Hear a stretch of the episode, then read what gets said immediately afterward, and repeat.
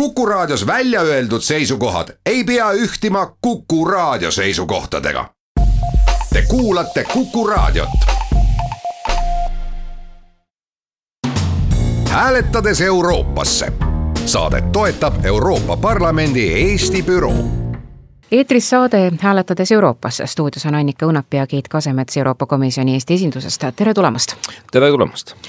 Räägime täna sellest, et sel kevadel on tulemas kahed väga olulised valimised, Riigikogu valimised ja Euroopa Parlamendi valimised. kuid enne seda, kui hakkame neid teemasid siin lahkama, tahan ära klattida eelmise saate ühe vea, mille tegin, palusin Tõnis Lehel nimelt kommenteerida küsimust, et miks on Euroopa Parlamendi kuvand pigem negatiivne, siis siinkohal tegin vea, sest et võtsin ette Kantar Emori möödunud aasta uuringu, kus siis seda küsimust samuti inimestelt küsiti ja tõsi ta on, Euroopa Parlamendi kuvand on Eesti inimeste hulgas neutraalne. ehk siis viiskümmend kaheksa protsenti vastanutest arvab nii, kümme protsenti arvab, et see on tõepoolest negatiivne, kakskümmend kolm protsenti peab kuvandit positiivseks ja üheksal protsendil puudub üldse igasugune arvamus. Keit, mida tähendab, et inimeste arvamus Euroopa Parlamendist on neutraalne? no eks see arvamus ja siis ka võib-olla see väike viga, mis, mis sisse tuli, ka näitab ehk seda, et et ikkagi Euroopa Parlamendi tegevusest teatakse võib-olla mitte piisavalt äh, palju, et äh, ise mõtlen ka, et minu käest küsitakse, et mingi asja kohta, et mida sa arvad, noh, ma ei taha, ei taha ju keegi öelda, et ma ei tea või mul ei ole mingit arvamust, aga nagu ei tea ka täpselt, et ei taha ka öelda hästi või halvasti, et siis ütlengi sinna keskmiselt, et äh, ma arvan, see võib olla, see võib olla üks põhjus, teine põhjus võib-olla see, et nagu ikka poliitilises debatis äh, Euroopa Parlamendis ongi palju, palju arvamusi ja ma arvan, et äh, seal on nii positiivset kui ka negatiivset enamuse, enamuse inimeste jaoks, et äh, on niisuguseid Euroopa Parlamendi tegevusi ja, ja deklaratsioone ja otsuseid, mis inimestele lähevad väga korda ja mis on väga olulised ja niisuguseid, mis võib-olla ei ole nii olulised või jälle ei meeldi, et äh, eks need võivad need põhjused olla, aga see kõik on spekulatsioon, et ega mida me saame kindlalt öelda, on kahte asja, ma arvan, esiteks seda, et Euroopa Liidu institutsioonide usaldusväärsus, sealhulgas parlamendi usaldusväärsus siiski on päris kõrge ja sageli kõrgem kui äh, riiklike inst-, institutsioonide usaldusväärsus äh, ja teiseks me saame öelda seda, et Euroopa Parlamendi roll ja otsustusõigus on kogu aeg suurenenud mida on sellise arvamusega peale hakata näiteks neil, kes valutavadki oma südant siis Euroopa Parlamendi hea kuvandi pärast ja sooviksid, et ka valimisaktiivsus kasvaks, et noh, ma saan aru, et kui inimesed vastavad, et nad arvavad Euroopa Parlamendist hästi, siis järelikult on hästi, kui nad arvavad, et on halvasti, tuleb midagi ette võtta, aga no kui see on neutraalne? tuleb äh, selgitada inimestele, mida Euroopa Parlament teeb, mis on äh, need äh, poliitikavaldkonnad, äh, mis on need otsused, kus Euroopa Parlament kaasa lööb ja eks see valimiseelne debatt ongi ju selleks suurepärane võimalus, et see ja eks siin nüüd see küsimus, millest me täna ka räägime, et meil on nii Eestis ka Riigikogu valimised kui ka parlamendivalimised, on see, et, et teemad tegelikult ikkagi valimiskampaanias peaksid olema võrdlemisi erinevad, sest siseriiklikult otsustatakse ühtesid asju ja Euroopa Liidu tasandil äh, teisi asju, et äh, ka Euroopa Parlamendi äh, debatt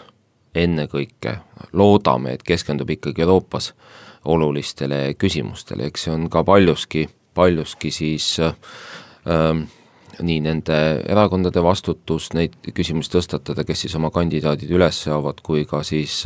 tõesti noh, meie kõigi vastutus, kes me Euroopa Liidu asjadega tegeleme, et selgitada, et miks need valimised on olulised ja mis need Euroopa taseme suured küsimused üldse on.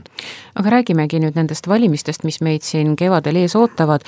riigikogu valimised toimuvad äh, kohe ja, ja kolmandal märtsil, Euroopa Parlamendi valimised siis kahekümne kuuendal mail, see tähendab, et nende kahe vahel on äh, kaheksakümmend neli päeva. Mm, ma ei, ma ei mäleta, kas sellist olukorda on mingisuguste valimistega Eestis niimoodi olnud, et äh, kahe erineva valimise vahel on nii lühike periood? no on ikka varem ka valimisi sattunud ühele, ühele ajale, aga päris nii lühikest perioodi ei ole olnud ja ja ega Eesti ei ole siin ainus riik, et, et Soome näiteks on ju veel lühema vahega, neil on aprillis siis Eduskunta valimised ja, ja Euroopa Parlamendi valimised on igal pool mais, Leedus on presidendi otsevalimised põhimõtteliselt enam-vähem samal ajal kui Euroopa Parlamendi valimised, täna Hispaania peaminister kuulutas välja erakorralised valimised ka, mis toimuvad vahetult enne Euroopa Parlamendi valimisi, nii et Eesti ei ole siin niisugune väga erandlik äh,, erandlik riik, et ka teistes riikides on samasugune olukord ja loomulikult sellel on mõju kogu sellele debatile ja sellele, et missuguseid küsimusi arutatakse. aga mis mõju on nüüd näiteks, kui me räägime Eestist, et äh, Riigikogu valimised on siin vahetult enne Euroopa Parlamendi valimisi? ma arvan, et seal on igasuguseid erinevaid mõjusid, et ühelt poolt äh, eks seal on ka positiivset, äh, et kõik on juba nii-öelda poliitilises debatis väga sees ja ja erakonnad ja kandidaadid kõik on juba niisuguses äh, kampaaniahoog on sees ja et kui Riigikogu valimised on läbi, saab jätkata ka kohe siis Euroopa Parlamendi valimiste kampaaniaga. jah, et ühe soojaga nagu siis suveni välja seda kampaaniat teha, et Äh, noh, mis need, võib-olla ka ei saagi öelda, et selles midagi negatiivset on, et äh, demokraatlikes protsessides ei olegi midagi, midagi negatiivset, aga vast äh, mis on niisugused asjad, mida tuleb kindlasti tähele panna, ongi ühelt poolt see, on see teemade, ütleme, omavaheline põimumine, et et äh, loomulikult Riigikogu valimistel tuleb arutada kõiki küsimusi, ka Euroopa küsimusi ja, ja sest lõpuks ikkagi Riigikogu valimised on kõige tähtsamad ja olulisemad, seal me lõpuks saame ju nende valimiste tulemusel nii endale siis neljaks aastaks parlamendi kui ka valitsuse. Ähm,, aga noh, just nagu ma ka varem mainisin, et Euroopa Parlamendi äh, valimiste põhiteemad on ikkagi ju seotud või peaksid olema seotud Euroopa arengutega ühelt poolt ja teiselt poolt ka sellega, et mis siis üldine see Euroopa parlamendi koosseis lõpuks tuleb, et, et tuleb ka jälgida seda, et, et need kandidaadid, kes nüüd kandideerivad Eestis, et kellega nemad sõbrud, sõbrustavad. Euroopas, missuguste erakondadega, missuguste poliitikutega, sest seal hakatakse seda koostööd äh, väga aktiivselt tegema hiljem kuid äh, selline mõju võib-olla siis võib-olla peaks välja tooma, mis see tavalise inimese jaoks tähendab, et kahed valimised siin ukse ees on, et et ma kujutan ette, et mõnest küljest äh, tekib inimestel selline poliitiline üleküllasus äh, kogu sellest kampaaniamöllust. Ja ma ei teagi nüüd ka, noh okei okay,, siin on ühed nii-öelda suured kampaaniad juba ära olnud, noh praegu välireklaamid on Riigikogu valimistel küll keelatud, aga, aga üsna kohe sajab selga ju see aeg, kus tegelikult ju, või tegelikult praegugi võib ju minu meelest Euroopa Parlamenti pürgija teha ju enesele reklaami võib, võib põhimõtteliselt küll et, jah, kuigi nimekirjad ei ole veel äh,, ei ole ju veel esitatud. jaa, need vist aga, hakkavad kahekümne kaheksandast. Need kandidaadid, kes Riigikogusse ei kandideeri ja kandideerivad Euroopa Parlamenti, võiksid küll ka täna välireklaami teha, aga igasugust muud reklaami võib teha, teha hoogsalt loomulikult kogu aeg, et äh, ja ega poliitikud igapäevaselt võivad ja peaksidki valijatega suhtlema ja, ja, ja eks see on, see on üks poliitikute töö osa, mis ma tahan rõhutada, on see, et valimised iseenesest on siiski väga hea ja positiivne sündmus. Teeme saatesse väikese pausi ja oleme kohe tagasi. hääletades Euroopasse. saadet toetab Euroopa Parlamendi Eesti büroo hääletades Euroopasse saade jätkub, stuudios Annika Õunap ja Keit Kasemets Euroopa Komisjoni Eesti esindusest. räägime täna sellest, et ukse ees on kahed väga olulised valimised, Riigikogu valimised ja Euroopa Parlamendi valimised. kuid ähm, kuidas suhtuda sellesse olukorda, et näiteks kui üks poliitik osaleb nüüd siin Riigikogu valimisel, osutub valituks, aga samas nüüd ikkagi ta tahaks, on kokku lepitud, et ta, ta tahab ka sinna Euroopa Parlamenti pürgida, et selline variant on ju ka olemas, et kuidas sellesse suhtuda? no põhimõtteliselt selline variant on olemas ja eks see on ikkagi iga inimese põhiseaduslik õigus äh, valimistel osaleda, et ma arvan, et mis on tähtis poliitiku seisukohalt, on siiski selgelt siis ka kommunikeerida oma oma valijatele, et äh, kas tal siis valituks osutudes on ka plaan siis Euroopa Parlamenti minna, juhul kui ta osutus valituks näiteks Riigikogu liikmeks ja ja siis valija selle põhjal saab selle, selle otsuse teha, et, et ma ei saaks küll öelda, et kuidagi see kandideerimine iseenesest oleks oleks halb valik. ja kas seda näiteks ei saaks lugeda kuidagi valijate petmiseks? Ei, ma arvan, seda ei saa lugeda valijate, valijate petmiseks, et need mandaadid on siiski ju eraldiseisvad ja, ja ei ole ju ka kandidaadi seisukohalt kindlust, et kas ta, kui ta on juba Riigikogu liige, et kas ta siis, kas ta siis osutub valituks Euroopa Parlamenti või no eks poliitikute töö ongi osaleda valimistel, et üks olulisi rolle, et ma ei näe küll seal selles mõttes äh, mingeid probleeme. no ma arvan, et põhiline on see, et äh, lõpuks sinna Euroopa Parlamenti jõuaksid adekvaatsed ja väga tublid äh, esindajad. ja ma arvan küll, Eestil on kokku seal nüüd peaks olema Brexiti järgselt seitse kohta, et ega nüüd nii palju neid inimesi ei olegi, keda me peame valima ja see kindlasti annabki ka võimaluse meile valida sinna kõik, kõik väga head kandidaadid. aga kas näiteks Euroopa Parlamendi valimisaktiivsus tänavu on kuidagi kõrgem äkki või kuidas sellega lood on? vot ei oskagi seda niimoodi ennustada, et äh, kui vaadata Eesti seisukohalt, siis ta on olnud kõikuv, et tegelikult esimestel valimistel oli ta väga madal Äh, teistel valimistel oli äh, suhteliselt kõrge, ehk üle neljakümne protsendi ja eelmine kord, isegi kolmas kord, oli jälle madalam, et äh, et siin kindlasti need siseriiklikud valimised mõjutavad ja noh, raske öelda, ma arvan, et üldiselt Euroopas noh, pigem, pigem näen, et see valimisaktiivsus võiks olla, võiks olla kõrgem, kui see on varem olnud, et esiteks selle tõttu, et äh, et Euroopa Parlament on muutunud olulisemaks, inimesed tunnetavad, et, et tegelikult see valik on tähtis ja teiseks ka seetõttu, et eks on ju palju teemasid, et valimistel alati on tähtis ka, mis on need valimiste teemad ja kas on niisuguseid suuri debatikohti ja konflikte, mis koondavad inimesi ühe või teise, teise kas seisukoha või kandidaadi taha, et et praegu neid teemasid on piisavalt, et see võiks ka tuua inimesi rohkem äh, ikkagi oma arvamust avaldama tõepoolest, neid teemasid on siin äh, kahe valimise vahelisel perioodil tekkinud äh, üsna palju. et kui siin kaks tuhat neliteist olid need äh, möödunud Euroopa Parlamendi valimised, siis justkui oli ju Euroopa selline üsna stabiilne ja, ja turvaline, tore koht ja kodupaik. pärast seda hakkas nagu justkui möll pihta, et kaks tuhat viisteist lahvatas suur migratsioonikriis, siis hakkasid äh, igasugused äärmusrühmitused välja paistma, terrorirünnakud ja täna vaieldakse aktiivselt äh, Brexiti üle, et äh, võib-olla siis kaks tuhat neliteist inimesed näitasid võib-olla sellise mittevalimisega seda, et, äh, et no las ta läheb, see Euroopa Liit samas, äh, samamoodi edasi, kui ta on seni läinud, aga no täna võib-olla siis tuleb teistmoodi suhtuda valimistesse?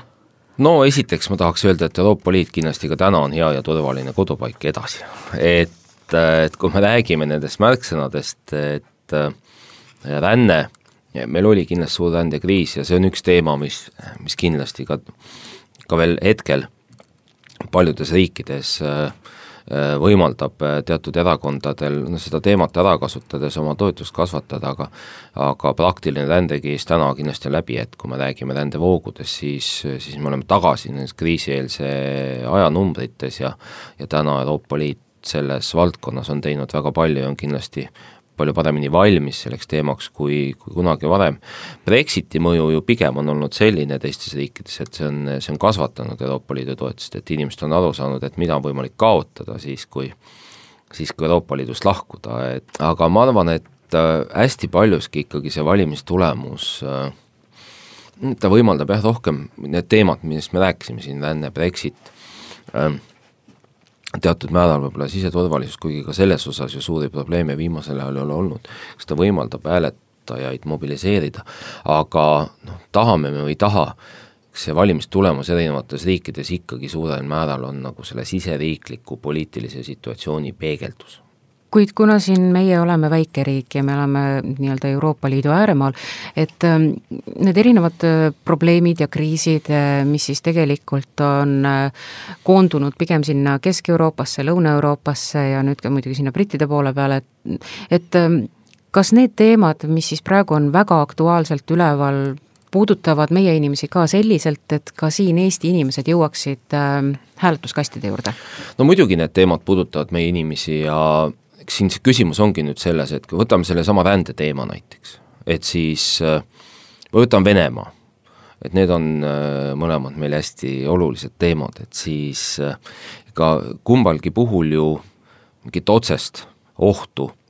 või mõju täna Eestil ei ole, et mida, ma arvan, Euroopa Parlamendi valimistel tuleks ennekõike arvestada, ongi ka see, et et mida need erinevad poliitilised grupid, kuhu ka äh, Eesti kandidaadid hakkavad kuuluma siis tulevikus, et mida nemad ühel või teisel teemal soovivad teha, kas nad rände teemal, kuidas nad soovivad rände teemat lahendada, missugune on nende Venemaa poliitika ja seetõttu ka valijatel tuleks, tuleks sellele tähelepanu pöörata, et missugusesse poliitilisse perekonda Euroopas üks või teine erakond äh, kuulub, et noh, üldiselt me teame, eks ju, et Isamaa on konservatiivid ja Keskerakond ja Reform on liberaalid ja, ja sotsid on sotsides, kus pilt on äh, segasem, on siis väiksemate erakondade puhul, nagu EKRE, Vabaerakond või Eesti kakssada, seal me tegelikult ei tea, et kuhu nad hakkavad kuuluma, missugust poliitikat äh, ajama, et noh, me võime vaadata, et EKRE on niisugune pigem nagu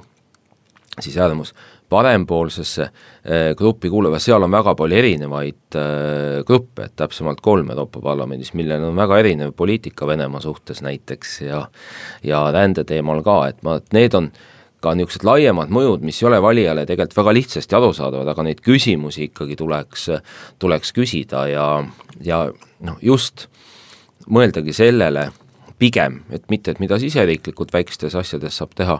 vaid seda, et et kuidas neid suuri Euroopa Liidu probleeme üks või teine kandidaat siis näeb ja, ja missuguseid lahendusi nendele probleemidele kandidaadid näevad. nii et see on nüüd üks töö, mida tuleb teha siinsetel erakondadel, eriti nendel väikestel erakondadel, kes Euroopa Parlamenti hakkavad oma saadikuid saatma, et teha see selgeks, et millised on täpselt nende vaated ja, ja, ja suunad Euroopa Liidus, millised on need perekonnad, kuhu siis kuuluma hakatakse? jah, absoluutselt. Ja no ega ka tänased Riigikogu valimisteks koostatud programmid teatud vastuseid annavad, et seal enamustel erakondadel on päris niisugune kaalukas Euroopa peatükk ka, et kus ka, just ka väiksemate erakondade puhul neid vaateid on päris palju kirjas. Aga meie saateminutid on halastamatult otsa lõppenud me peame tänaseks lõpetama, kuid oleme nädala pärast juba tagasi. hääletades Euroopasse stuudios olid täna Annika Õunap ja Keit Kasemets Euroopa Komisjoni Eesti esindusest, aitäh! hääletades Euroopasse. saadet toetab Euroopa Parlamendi Eesti büroo